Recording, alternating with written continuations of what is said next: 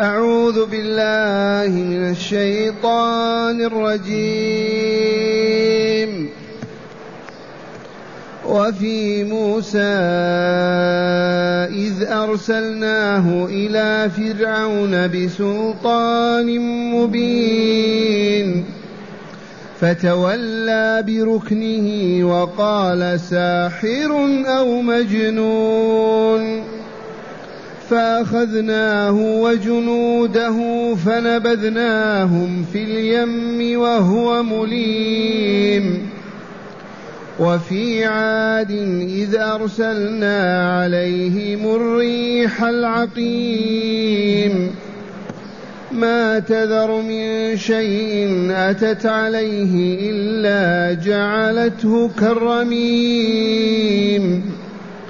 وفي ثمود إذ قيل لهم تمتعوا حتى حين فعتوا عن أمر ربهم فأخذتهم الصاعقة وهم ينظرون فما استطاعوا من قيام وما كانوا منتصرين وقوم نوح من قبل إنهم كانوا قوما فاسقين. أحسنت. معاشر المستمعين والمستمعات من المؤمنين والمؤمنات. تقدم في السياق الكريم أن الله عز وجل أهلك قوم لوط. وحول مدينتهم سذوم إلى بحيرة منتنة وهي موجودة إلى الآن.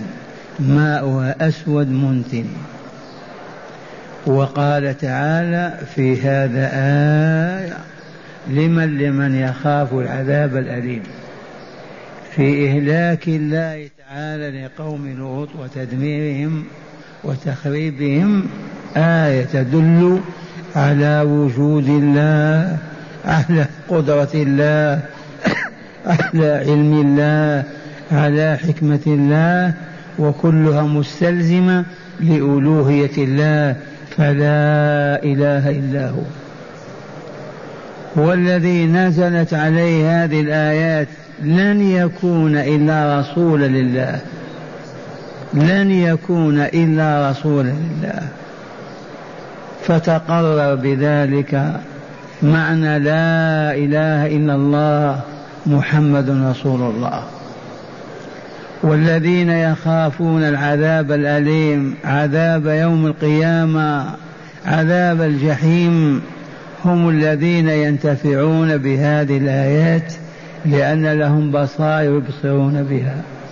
أما الكافرون الذين لا يخافون عذاب الله لا في الدنيا ولا في الآخرة فهم عمي لا يبصرون وأموات ليسوا بأحياء. وهنا ذكر تعالى أربع آيات. فمن كان له بصر يبصر يشاهدها وكل آية تدل على أنه لا إله إلا الله وأن محمدا رسول الله وأن البعث الآخر حق وأن من يطع الله يكرمه ويعزه ومن يعصه يهينه ويذله. قال تعالى وفي موسى. من موسى هذا؟ أبي اسمه موسى. هذا موسى بن عمران أحد أنبياء ورسل بني إسرائيل عاش في الديار المصرية. إذ والدته كانت هناك ونما وكبر حتى بلغ قرابة الثلاثين وخرج وبعثه الله إلى فرعون. موسى إذ أرسلناه من القائل إذ أرسلناه؟ الله. هذا كلام الله. أرسل موسى إذ بعدما خرج من الديار المصرية نزل بمدين وعاش بأكثر من عشر سنوات ثم انتقل إلى مصر ومن ثم في الطريق أوحى الله إليه وأرسله إلى فرعون.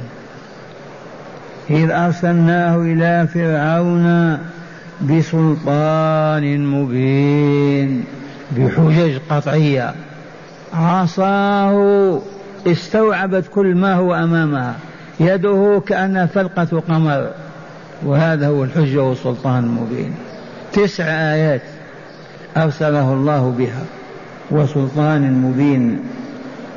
فتولى فرعون. أدبر. أعرض هو وقومه ورجال وجيشه. تولى بركنه. لا يقبل موسى ولا دعوته. لا يؤمن بالله ولا ولا بالأمر الآخر. إعراض كامل. فتولى بركنه وقال موسى ساحر ومجنون. أو بمعنى الواو هنا. ساحر ومجنون. لا تسمع له لا تستجيبوه لا تمشوا وراءه أبدا. فصرف الأقباط كلهم عنه. ما نجا إلا بنو إسرائيل.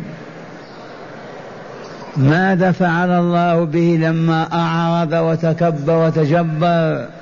هو برجاله وقوم ماذا فعل الله بهم؟ قولوا ارفع صوتك. أغرقه هو وجيشه. جيش قرابة مئة ألف. كلهم في البحر. ما نجا أحد. آية من آيات هذه وإلا علامة تدل على وجود الله على قدرة الله على أن موسى رسول الله على أن محمد رسول الله على أن البعث الآخر حق. آية من أعظم الآيات والعميان لا يبصرونها. هكذا يقول تعالى فتولى بركنه وقال ساحر ومجنون فأخذناه وجنوده فنبذناهم في اليم واليم البحر وهو مليم مستوجب اللوم من كل الحياة. لما دمر قومه أهلكهم عذب بني إسرائيل ادعى الربوبية ادعى الألوهية كيف لا يلام؟ أغرقه الله وجيشه العرمرم وهو مليم. والعياذ بالله. هذه آية وإلا لا أكبر من آية سدوم وعمورة. فرعون برجاله بركنه دمر في ساعة. ثم قال تعالى وفي عاد إذ أرسلنا عليهم الريح العقيم. أي وفي إرسالنا هودا نبينا ورسولنا إلى قوم عاد في جنوب الجزيرة حضرموت وما حولها. أرسلنا إليهم نبينا ورسولنا وهو منهم بني جنسهم هود فكذبوه وتكبروا واستكبروا وتحدوه وقالوا هات العذاب و و و وأصروا على الشرك والكفر والعياذ بالله تعالى. عاد. فماذا فعل الله بهم؟ أرسل عليهم ريحا عقيمة المرأة العقيم التي لا تلد ولا تحمل والريح العقيم التي لا تحمل مطر ولا تلقح الأشجار. الآن الرياح الطيبة تلقح الأشجار في ثمارها. هذه الريح ريح عذاب. عقيم ما تلد ما تحمل أبدا. هكذا يقول تعالى وفي عاد أي وفي إهلاكنا لعاد حيث أرسلنا عليهم الريح العقيم ما يدل على ماذا؟ على وجود الله علم الله قدرة الله نبوة داود عليه السلام نبوة محمد صلى الله عليه وسلم وعلى الدار الآخرة والجزاء فيها على الكسب في الدنيا. وفي عاد آية أخرى. إذ أرسلنا عليهم الريح العقيم فدمرتهم. ما تذر من شيء إلا جعلته كرميم. جبال تفككت مباني حيوانات بشر جعلتهم كالفتات ما تترك من شيء في تلك الديار إلا دمرته. هذه الريح. ومن عجائب العلم أن أهل البادية يعرفون العجوز قرة العجوز في آخر الشتاء. سببها أن عجوزا دخلت في غار في جبل. فلما تدمر البلاد كلها وما فيها والعجوز جاءت الريح وهكذا تعبت تدور حتى دخلت عليها وجرت وكسرت رأسها. فتسمى ريح العجوز أو قرة العجوز. ما نجأ أحد لا عجوز ولا أب ولا كبير. هكذا يقول تعالى وفي عاد أي إهلاكنا لعاد قبيلة أمة من أقوى الأمم وأعظمهم لم تكن أمة أعظم من عاد في أيامها أبدا. واقرأوا ألم ترى كيف فعل ربك بعاد إرم ذات العماد التي لم يخلق مثلها في البلاد. وكان طول أحدهم ستين ذراعا. فأهلكهم الله. ما تذر من شيء أتت عليه إلا جعلته كالرميم. تعرف العظام إذا تكسرت وتفتتت؟ كان هذا هو الرميم. آية هذه وإلا لا؟ ثالثة. أو رابعة ثالثة ثم قال تعالى وفي ثمود. أي وفي إهلاكنا وتدميرنا لثمود. الأمة التي كفرت برسولنا صالح ونحرت الناقة وعقرتها وقد طلبوا آية فأعطاهم الله أعظم آية في الأرض. إذ قال لصالح قم فصل وادعو الله أن يخرج لك من هذا الجبل ناقة. والله قام يصلي ويدعو. ما زال واقفا حتى تصدع الجبل وانشق وخرجت منه ناقة عشا آية من آيات الله. لم تعرف الدنيا نظيرها ومن أعجب ذلك أن هذه الناقة تشرب ماء المدينة وحدها يوما. العين التي يسقون منها تشربها وحدها. اليوم الثاني يحلب منها كل رجل ومرأة سطل من اللبن. أعظم آية هذه. لها شرب ولكم شرب يوم معلوم. ولا تمسوها بسوء فيأخذكم عذاب يوم عظيم. ومع هذا تآمروا وقالوا هيا نجرب؟ وعقروها قتلوها. فلما تدمرت فلما قتلوا الناقة ماذا قال لهم تعالى وفي ثمود إذ قيل لهم تمتعوا حتى حين ثلاثة أيام واليوم الرابع أهلكوا.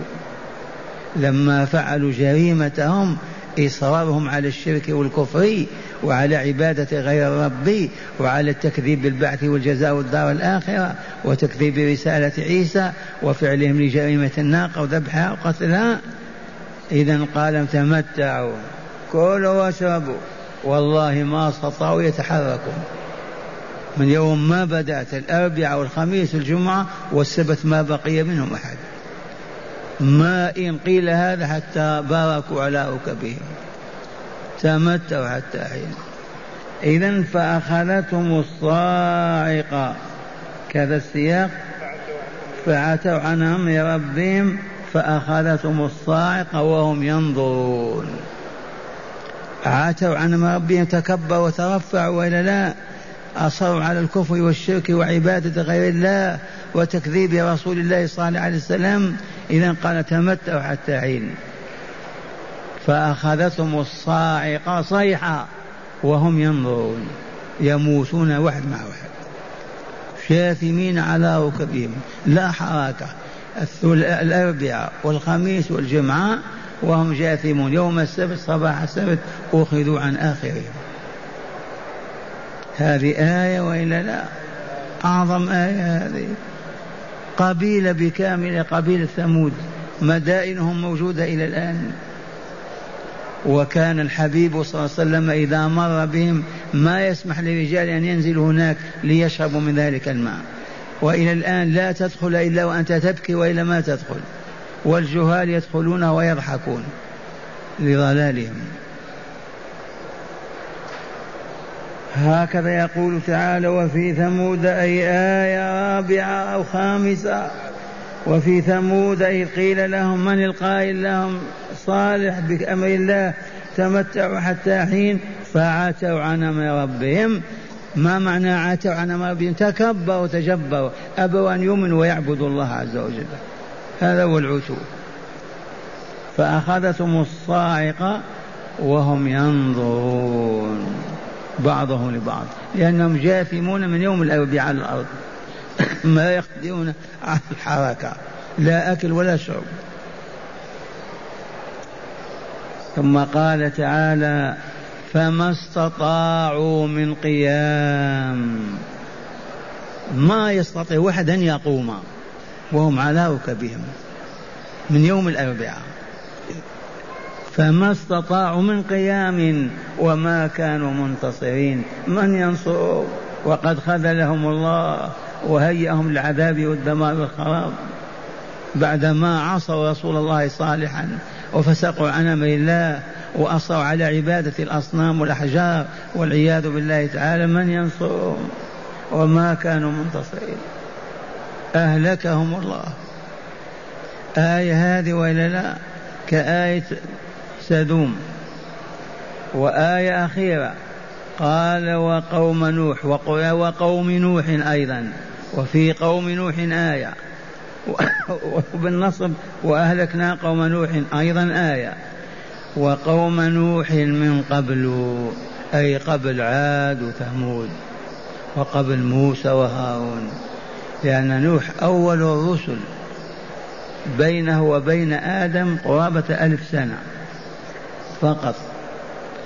وكان الناس يعبدون الله ويتناقلون بالعبادة جيل عن جيل ثم بعد ذلك حصل الجهل والفساد فعبدوا خمسة آلهة. فأرسل الله نوحا عليه السلام واقرأوا سورة نوح ما بين المعارج والجن. إنا أرسلنا نوحا إلى قومه. يغوث ويعوق ونصر ود سواء إذا فعاش بينهم ألف سنة إلا خمسين سنة. يدعوهم ليعبدوا الله وحده فقط. وهم مصرون على الشرك معاندون مكابرون. جيل بعد جيل ألف سنة تسعمائة وخمسين. فما كان من الله جل جلاله وعظم سلطانه إلا أن أغرقه فاضت الأرض بالماء ونزلت السماء بالماء والتقى الماءان فأغرقهم أجمعين. ولم يبق على وجه الأرض إلا نوح ونيف وثلاثون نساء وثمانون نسمة في سفينة نوح. لماذا؟ لأنهم أصروا على الشرك والكفر وعلى التكذيب والعناد. فلهذا استوجبوا عذاب الله فأهلكهم. ولولا أن الله عز وجل جعل رسوله محمدا ذا رحمة ووصفه بأنه الرؤوف الرحيم لكانت البشرية تهلك كما أهلكت قبلها. ولكن لا يهلك الناس مع محمد صلى الله عليه وسلم لأنه رحمة الله عز وجل. وأرسلناك رحمة وما أرسلناك إلا رحمة للعالمين. ومع هذا ينزل بهم الجوع والفقر والخوف والحرب والمرض والآلام لكن الإهلاك الكامل الدمار ما يحصل. أما الفسق والفجور والكفر لا بد له نتائج في الدنيا. مشاهدة معلومة. هكذا يقول تعالى وقوم نوح من قبل إنهم كانوا قوما فاسقين. ما معنى فاسقين؟ خارجين عن طاعة الله ورسوله نوح عليه السلام. فكل من خرج عن طاعة الله ورسوله فهو فاسق. من فسقت الفأر إذا خرجت من جحرها فنبرأ إلى الله أن نكون من الفاسقين. معشر الأبناء والإخوان معشر المؤمنات تعوذوا بالله أن تكونوا من الفاسقين. من هو الفاسق هذا؟ الذي يترك أمر الله ما يفعله. الذي يرتكب ما نهى الله عنه ويفعله والله لهو الفاسق لكن إذا كان يتوب يتوب الله عليه. أما إذا استمر على الفسق ولازمه فترة يصبح الفاسق ويموت على الفسق والعياذ بالله. نبر إلى الله من ذلك. وهكذا أربع آيات أضيفت الآية الخامسة كلها تشهد أنه لا إله إلا الله وأن محمدا رسول الله وأن البعث الآخر حق وهو الجزاء على الكسب في هذه الدنيا. العمل الصالح كالعمل الفاسد الجزاء ليس هنا ولكن هناك. إذ هذه دار عمل وتلك دار جزاء. حياتان حياة للعمل هي هذه وحياة الجزاء هي الدار الآخرة. وقبل مئة سنة ما كنا موجودين وسوف نموت. وإن متنا بعدما وجدنا انتقلنا إلى الدار الآخرة. والآن مع هداية الآيات. بسم الله والحمد لله. والصلاة والسلام على خير خلق الله سيدنا ونبينا محمد وعلى آله وصحبه. من هداية هذه الآيات أولا تقرير كل من التوحيد والنبوة والبعث لما في الآيات من دلائل على ذلك. من هداية هذه الآيات التسع تقرير النبوة المحمدية والبعث الآخر وأنه لا يعبد بحق إلا الله. هذه الآيات كلها تقرر هذه الحقيقة. محمد رسول الله. لا إله إلا الله والبعث الآخر حق. نعم. ثانيا قوة الله تعالى فوق كل قوة إذ كل قوة في الأرض هو الذي خلقها ووهبها. من هداية الآيات قوة الله فوق كل قوة. ولا تساويها قوة ولا تعادلها. بل ما من قوة إلا والله واهب وخالقها. جميع القوى الله موجد وخالقها. وتجلى لكم هذا ولا لا؟ ماذا فعل بعاد؟ دمر أمة كاملة في ساعات. ماذا فعل بقوم صالح بثمود؟ قضى على أمة كاملة في ثلاثة أيام. أية آيات أعظم من هذه؟ نعم. ثالثا اتهام المبطلين لأهل الحق دفعا للحق وعدم قبوله يكاد يكون سنة بشرية في كل زمان ومكان. من هداية هذه الآيات نقد المبطلين وانتقادهم للدعاة والصالحين هذه سنة بشرية تكاد لا يفارقها زمان. وجود من ينقد أهل الحق ويتعرض لهم ويؤذيهم هذا موجود إلى يوم القيامة. وأخيرا من على من عوامل الهلاك العتو عن أمر الله أي عدم الإذعان لقبوله والفسق عن طاعته وطاعة رسوله. وهذه توجه إلى أمة الإسلام اولا. تلك الأمة التي هبطت من علياء السماء فعطلت شرع الله وأبعدت كتاب الله وحولته إلى الموتى وتعيش على الفسق والفجور. إلا من شاء الله وأنقذه ونجاه. والله إنها لتحت المنظار. إما تدمر وإما أن تعود إلى الحق والطريق المستقيم.